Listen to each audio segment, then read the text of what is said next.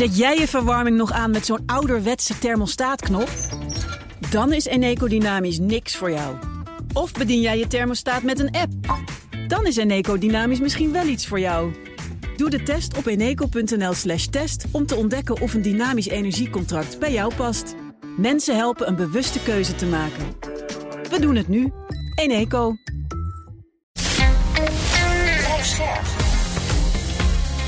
BNR Nieuwsradio. Boekenstein en de Wijk. Hugo Reitsma. In den Straßen Berlins drängen sich Hunderttausende, um dem japanischen Außenminister einen herzlichen Empfang zu bereiten. 29 juni 1942 vloog een geheime missie van Mussolini's Italië wapens naar asbondgenoot Japan via de meest oostelijke luchthaven onder controle van Nazi-Duitsland in Zaporizhia, Oekraïne. Außenminister Matsuoka sieht in dem Pakt mit Nazi-Deutschland und Italien einen Ausgleich gegen die Macht der USA. Revanchistische machten in Europa en Azië samen tegen het Westen. Het zwartste scenario vandaag doet denken aan een eerdere, duistere periode in onze geschiedenis. Nu Rusland en China, toen Duitsland en Japan. Welkom terug in de tijd van depressie, geweld en Marlene Dietrich bij Boekenstein en de Wijk. Op zoek naar de nieuwe wereldorde. Met de gast Gideon Rachman, Chief Foreign Affairs Commentator voor de Financial Times. Hij maakt de vergelijking tussen onze tijd en de jaren 30. Lekker opbeurend, echt ons ding. Ik sprak hem eerder deze week online vanuit Londen. We maken daarmee een half Nederlands, half Engelse uitzending vandaag. Het is een beetje ingewikkeld, maar wel de moeite waard om hem eens in de uitzending te hebben, nietwaar? Zeker, ik ben heel trots dat hij bij ons in de podcast zit. Overigens, Gideon Rachman is een van de sprekers dit jaar op het Veerstichting Symposium 15 en 16 juni in de Pieterskerk in Leiden. Studenten en professionals kunnen zich voor 23 april aanmelden via veerstichting.nl. Eh, Ik sprak Rachman net terug uit Oekraïne. Hij vertelde me over ja, vreemd gevoel van normaliteit bijna dat je daar kon voelen in Kiev. En dat naast alle pijn door de oorlog ook een gevoel was van hoop voor de toekomst. Welcome to Boekenstein en de Wijk, Mr. Rachman, and thank you for your time. Pleasure to be with you. Thanks for asking me. Uh, you've just returned from Kiev. What are the main impressions you took home? Obviously, the war's already taken a terrible toll, but I think in the in the background there is a sort of sense that Ukraine has already achieved something remarkable, which is that it's established itself as uh, a nation in people's minds. And I think for the Ukrainians, it was a huge moment when the EU gave it candidate status just a few months after the uh, invasion. Looking at uh, Ukraine's future uh, this week, Ukraine's Foreign Minister Kulaba congratulated uh, his Finnish colleague on NATO membership, reiterating, of course, Ukraine has the same goal. Do you think Ukraine's NATO membership is also has become inevitable? No, I don't, I don't think so. I mean, I don't think even EU membership is inevitable. I think it's likely. I think NATO membership is probably below 50% simply because it's such a deep commitment. I mean, basically, we're saying next time Russia attacks you, we're at war with Russia. Yes. And I'm not sure uh, that NATO members are prepared to say that or that their publics are prepared to back it. But, Wouldn't I- I- wouldn't I- Ukraine need a nuclear security guarantee against Putin for it to work? Again, I mean, I'm not sure uh, that that would be something people would want to do because um, you know it's a classic deterrence dilemma because it would certainly be very deterring for Putin. But what would he what would he do if he crossed it, and how would we determine if he crossed it? Because obviously, we've spent uh, since the first use of atomic weapons, first and last use of atomic weapons in 1945, um, we've successfully avoided using them again, and it is a taboo that people are very keen to keep in force.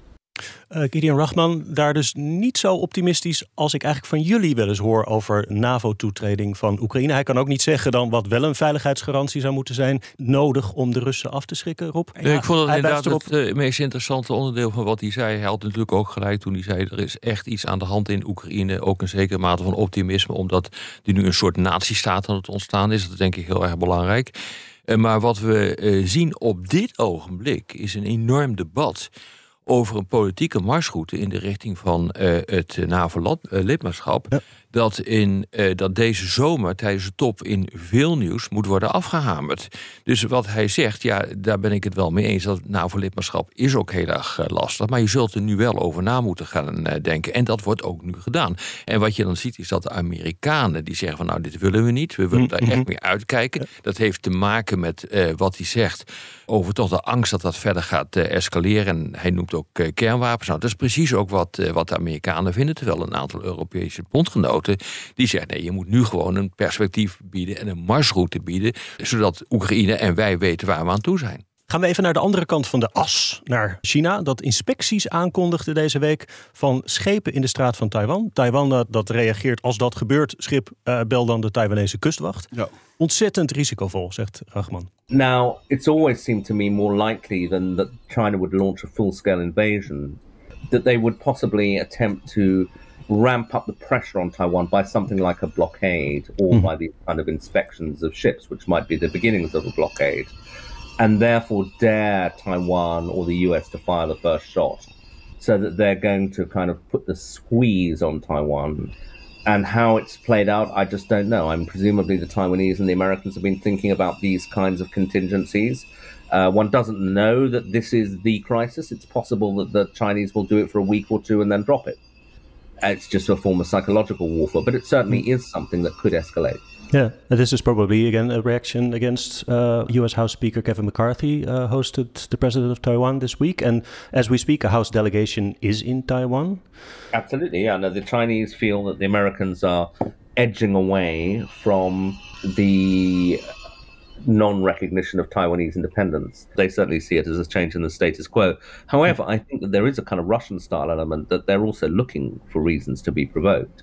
You know, I think that she uh, has said several times that um, he sees a reincorporation of Taiwan into the mainland as part of the great rejuvenation of the Chinese people, and as something that he wants to be one of his great achievements, possibly mm-hmm. the capstone achievement of his era in power. Mm-hmm.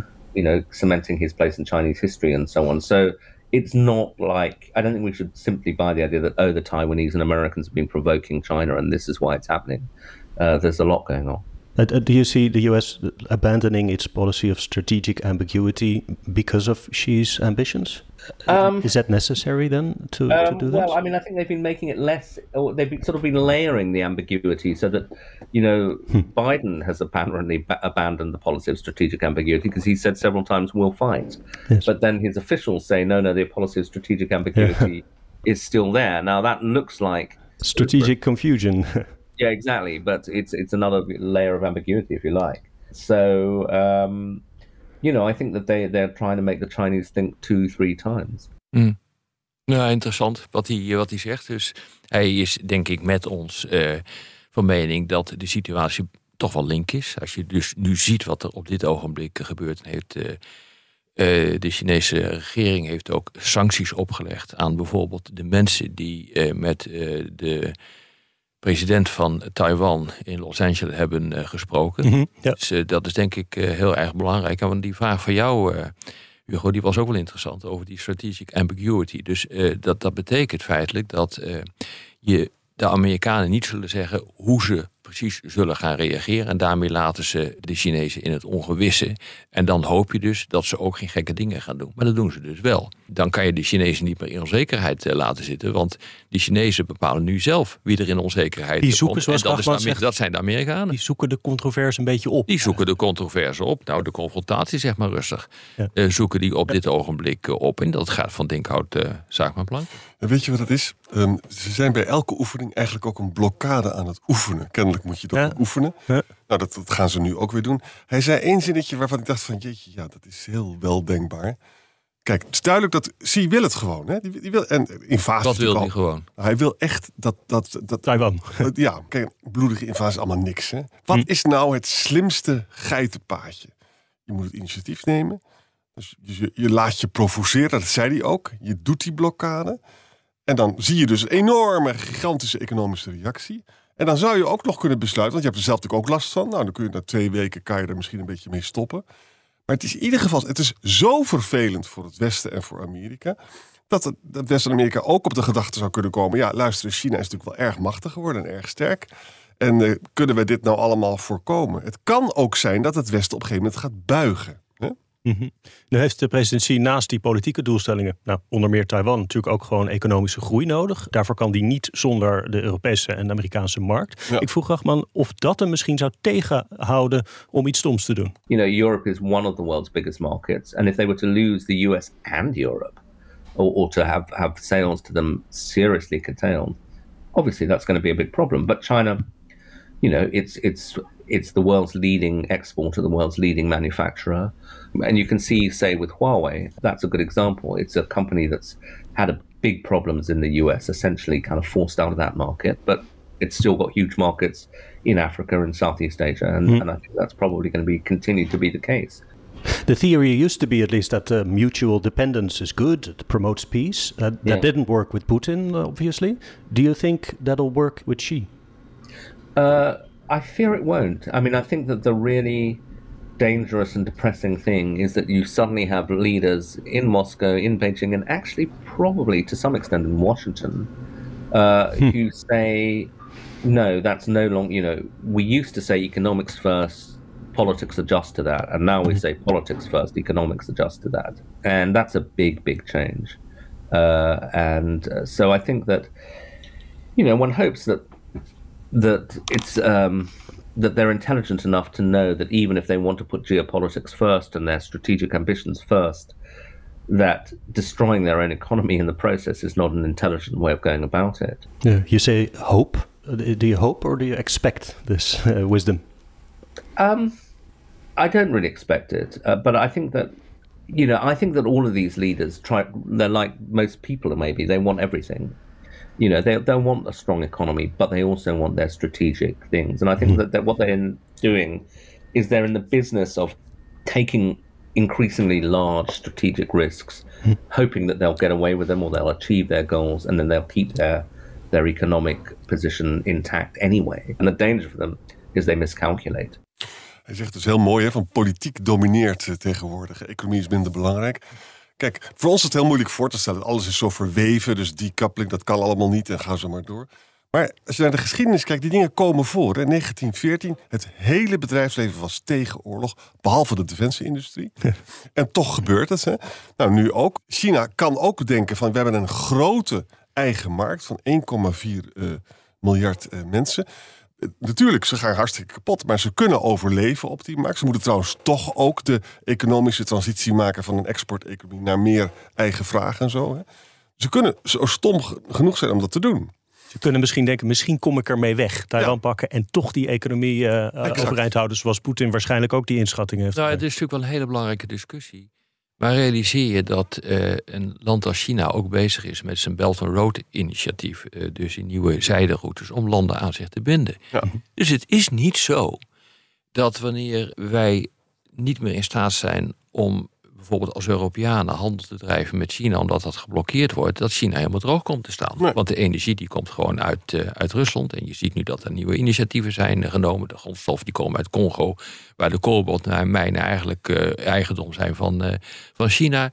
Dus het is gewoon niet zo uh, dat als uh, je de Europese markt uh, mist, of de Amerikaanse markt mist, of beide markten mist, dat er helemaal niks meer te doen is voor mm China. Dan ga je het gewoon over een andere boeg gooien. Dat dat je economie aantast. Dat is niet dat zeker is. Maar tegelijkertijd moet je constateren dat er in wezen nog mogelijkheden zijn voor China om in verhoogd tempo die nieuwe wereldorde via dat Belt Rood initiatief vorm te geven. BNR Nieuwsradio. Boekenstein en de Wijk. Op zoek naar de nieuwe wereldorde. Dit is Boekenstein en de Wijk. En dat programma is natuurlijk niet zonder Arend-Jan Boekenstein en Rob de Wijk. Mijn naam is Hugo Reitsma. En onze gast deze week is Gideon Rachman van de Financial Times. Zijn nieuwste boek, Het tijdperk van de sterke man, ligt nu in de winkel. En ik wijs nogmaals op dat eh, symposium van de Veerstichting waar Rachman spreekt. Waarvoor je kan aanmelden op veerstichting.nl. President Macron en commissievoorzitter von der Leyen zijn eh, net terug uit Beijing voor een bezoek aan president Xi. Macron zei daar te hopen op Chinese bemiddeling tussen Rusland en Oekraïne. Von der Leyen waarschuwde vooral tegen wapenleveranties. Ik vroeg uh, Rachman of hij denkt dat Europa China kan losweken van Rusland. Macron, I think, can I say, is a fairly vain person. I think wants to play a big role in world affairs. You saw in 2019 he made this effort to have a reset with Russia, uh, to break with other Western powers and, and try to create kind of friendship with Putin, which completely failed. But I think the instinct is still there. He would like to be the guy who, you know, um, does does something a bit different from what the Americans are doing and what's. Uh, but I, I just don't think he's going to achieve it. And I also think that he doesn't even really speak for Europe. I mean, I think there's an interesting division between Macron and von der Leyen. If you look at the speech that von der Leyen gave on China just uh, you know a couple of days before going there, mm-hmm. it was really one of the most hardline speeches a European leader has given on China. Macron has not talked that way, and I think that there's a tension between the two of them. Yeah, but von der Leyen in her speech also spoke of de-risking, not decoupling from China. So also she doesn't want to go as far as the US, it seems. Yeah, but you know, I I I, I don't think uh, there's actually that much of a distinction because, in fact, if you talk to the Americans, they say, you know, we're not planning to completely decouple uh, with, with China. It depends who you mm. talk to, but the people who are actually making the policy present it as de-risking, essentially. The, the Europeans and von der Leyen have been trying out this line about de-risking for some time. I heard them do it at the Munich Security Conference a couple of months ago, and there were Americans in the audience, and they didn't disagree. They said, yeah, you know, that's right. what you should be doing. Amerika en Europa eh, zitten eigenlijk op dezelfde lijn, zegt Rachman. Met dus de-risking, niet decouplering. Zijn jullie het daarmee eens? Nee, daar ben ik het niet helemaal mee eens. Dat hoorde ik hem eh, ook luid en duidelijk eh, zeggen. Hij heeft trouwens ook gezegd, interessant genoeg, dat er een verschil van mening is tussen uh, Van der Leyen en Macron. Macron die zit er toch wat softer in, wil ook gewoon hm. proberen om, en dat is denk ik het cruciale punt, de Chinezen over te halen om druk uit te oefenen op, uh, op Rusland. Uh, zodat eigenlijk hij, Macron, ook zijn positie kan versterken als vredestichter. En in mhm. die zin staat von der Leyen daar wel anders, anders in. Maar ik moet constateren dat voorlopig, wat ik er nu van gezien heb, dat dat eigenlijk mislukt is, dat bezoek. En die, dat verzoek aan het adres van Xi, dat dat weinig heeft opgeleverd. En wat ik heel erg opmerkelijk vond, ik weet niet of jullie het ook hebben gezien, is dat Peskov, de, de regeringswoordvoerder in Rusland, direct heeft gezegd van ja, nee, eh, er is helemaal geen mogelijkheid nu voor onderhandelingen. En de Russen moeten nu eerst maar even uh, militair doorgaan. Ja, weet je, eh, dit duidt er dus gewoon op dat er echt wat aan de hand is. En dat, uh, dat duidt ook uh, op het kloppen van de veronderstelling dat er iets ongehoord mis is gegaan in, eh, tijdens het bezoek van eh, Xi aan Poetin. En dat uh, Poetin gewoon heeft gezegd van bekijken maar, ik wil helemaal niet onderhandelen. Dat blijkt nu ook weer zo te zijn. Dus die Xi die heeft gewoon ook niks voor elkaar gekregen in, in Moskou. Dat hebben we eerder hebben we dat geconstateerd. Maar ik denk dat dat gewoon zo is. Even over von der Leyen. Als je die toespraak, ik heb een stukje van haar toespraak gehoord. En zij zegt gewoon echt ongelooflijk helder het Europese standpunt. Hè, over van die kappeling is erg slecht voor ons. Dat is geen goed idee. Wij zijn, er, wij zijn dat niet eens met de Amerikanen, zeggen ze bijna. Hè? Uh, ik, ben het inderdaad niet eens met uh, Rackman hier. Dit is, dit, is, dit is volgens mij het grote probleem.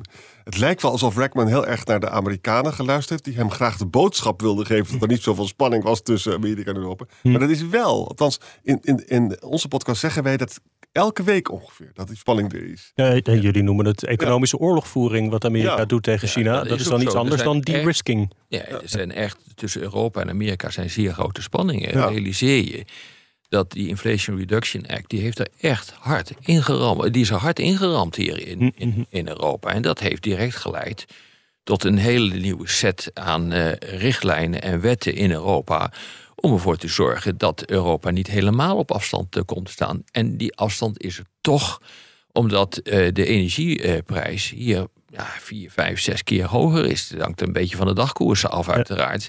Maar dit betekent dat nogal wat bedrijven op dit ogenblik aan het kijken zijn naar Amerika. Van misschien kan ik daar beter uh, mijn bedrijvigheid naar overhevelen, geheel of gedeeltelijk. Ze lokken ons bedrijfsleven weg, ze deindustrialiseren ons en ze verbieden ons allerlei gevoelige dingen aan China ja, En doordat we niet hebben geïnvesteerd in defensie en de Amerikanen volledig uh, de boel onder controle hebben, althans uh, vanuit hun perspectief in, in Oekraïne. Want zij bepalen, de Amerikanen, en bepalen wij op economisch gebied uh, gewoon minder. En dat, ik, ik denk dat dat een een analyse is die gewoon te weinig wordt gemaakt. Hm. Ja. Zit natuurlijk met het Westen, dus een verdeeld Westen, wel met twee revanchistische machten in Azië en Europa. Zoals in de jaren 30. Die vergelijking maakt, uh, maakt Rachman. Hij legt dat als volgt uit. You know, in the 1930s you had two powers, one in Asia, one in Europe, major powers that were very unhappy with the international system. believed that it was dominated by what they called uh, the Anglo-American powers in in back then the British Empire and the United States, um, as well as the other European powers, the Netherlands amongst them in, in Asia. Um, and so Japan was determined to overturn that order in Asia. Germany was determined to overturn that order in Europe. And I think that in a similar way, uh, you know, the revisionist powers now are Russia and uh, China, and they're also watching each other's conflicts, which is what sort of makes sense of the Chinese backing for Russia and Ukraine. Mm-hmm. They also want to overturn the regional security order, just as Russia's trying to do in Europe. And the danger is that you suddenly find that you have two challenges, one in Asia, one in Europe, and the two uh, challenges supporting each other and facing the same kind of coalition of countries. Yeah. In your column, you mention uh, NATO labeling China a strategic threat, inviting Asian allies to a NATO summit. Um, the Biden administration encourages this, also frames these conflicts as a battle of democracy versus autocracy. Doesn't that increase these risks you're talking about? Well, it's a classic deterrence dilemma. Yes, it does. But but I think that they would argue, and I think I agree actually, that that not doing anything like that would also wouldn't mean that there was no risk. Yeah. So this is probably necessary if you want to defend the liberal world order against uh, Yeah, I mean another it's one. classic deterrence, and deterrence is a risky business. is een beetje jullie punt wat ik hier Ja. probeerde aan uh, Rachman voor te leggen. Van eh, de, het neerzetten van een conflict als democratie versus autocratie. Ja. Maakt eh, praten wat lastiger. bijna onmogelijk. Want dan maak je, kijk, dan wordt het ideologisch. En je kunt zeg maar over hele concrete verschillen kun je nog wel een compromis bereiken. Maar over ideologie kan je geen compromis bereiken. En dat is ook het probleem van, laten we zeggen, godsdienstoorlogen, dat soort eh, dingen. Er er is geen compromis te bereiken over een godsdienst. En dat, dat zie je dus ook met, eh, met ideologische verschillen in algemene zin in internationale betrekkingen. Daar kun je geen eh, overeenstemming over bereiken. Maar wat hij zegt, en hij trekt dus die vergelijking eh, met eh, de jaren 30 van de vorige eeuw, dat je dus ook een revanchistische macht hebt. En nu heb je de twee, één genaamd Rusland, de andere genaamd China. En die proberen inderdaad de orde te veranderen. Nou ja, weet je, dat is bijna zo langzamerhand. Als je dat nou nog niet begrijpt, wat hij nu hier zegt, ja, dan heb je echt wel onder een steen gelegen. En dit is natuurlijk een, een ongelooflijk eh, probleem. Te meer omdat, en dan grijp ik even terug op wat er aan de voorraad van de Olympische Spelen is eh, gebeurd eh, in, in China. Namelijk, daar hebben de Russen en de Chinezen hebben met elkaar afgesproken. Wij gaan samen de wereldorde verbouwen en we trekken daarin op. En wat je nu heel duidelijk ziet, is dat die Oekraïne-oorlog daar een, een onderdeel van is. We hebben het net ook even gehad over Taiwan. Dat is ook een onderdeel daarvan. Ja, dit, dit kan alleen maar van kwaad tot erger leiden. Eh, dat, dat, ik dat is, dat- hier zitten historische wetmatigheden in. En ook zeg maar wetmatigheden in de internationale betrekking. Dat is als landen opkomen en de wereldorde willen gaan verbouwen, dan gaan andere landen zich daartegen verzetten. En dan krijg je, wat hij ook zegt, de hele discussie over afschrikking. En dan kernwapens worden belangrijk. Ik bedoel, dat hebben we vijf, zes, zeven jaar geleden hebben we dat al voorspeld, dit. Dit is het leerstuk van de ideologische equivalentie, waar Kessens altijd over praat. Dat wil zeggen, het is niet handig als ik met jou moet praten. Ik begin, je bent een vieze, vuile communist, Hugo. dat is niet handig. Ik kan beter gewoon praten over doelstellingen die we samen zouden kunnen bereiken. Nou, het interessante is, in de 19e eeuw wa- was er veel meer ideolo- ideo- ideologische eenheid. Het waren allemaal conservatieven in die, in die vijf grote, eh, grote mogelijkheden. Nu is het zo dat wij in een wereld leven waarin Rusland en China totaal andere waarden voorstaan. Dat maakt alleen daarom al de wereld veel instabieler. Nou, waarom is het nou zo eng? Omdat in de Tweede Wereldoorlog was er dus was, was een verschrikkelijke oorlog nodig om zowel Duitsland als Japan te temmen. Wat overigens wonderbaarlijk goed gelukt is in Japan en ook in Duitsland. Wat een wonder is. Hè? Maar nu, om dus China en Rusland te temmen, dat, dat, dat vereist helaas ook een oorlog misschien. En daarnaast is het nog maar de vraag of ze überhaupt dan nog, dat dat zo goed afloopt, dat ze eh, heropgevoed kunnen worden. Dus dit is, ja, dit is geen gezellige podcast. Alweer niet gelukt. Op de radio ronden we af. Op de podcast het volledige gesprek dat ik had met Gideon Rachman. Luistert u op de radio, dan verwijs ik naar boekensteinendewijk.nl of uw favoriete podcast app. En dan nog iets. We hebben het hier natuurlijk elke dag over oorlog. Maar er was een tijd dat we vooral nog metaforisch over oorlog spraken.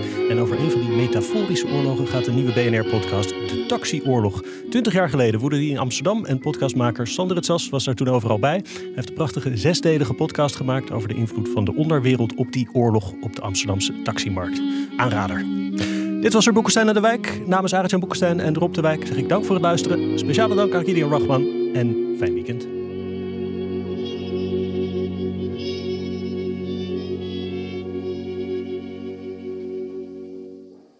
Geen enkele ondernemer wil zich laten tegenhouden door software. U bent ambitieus en wilt groeien.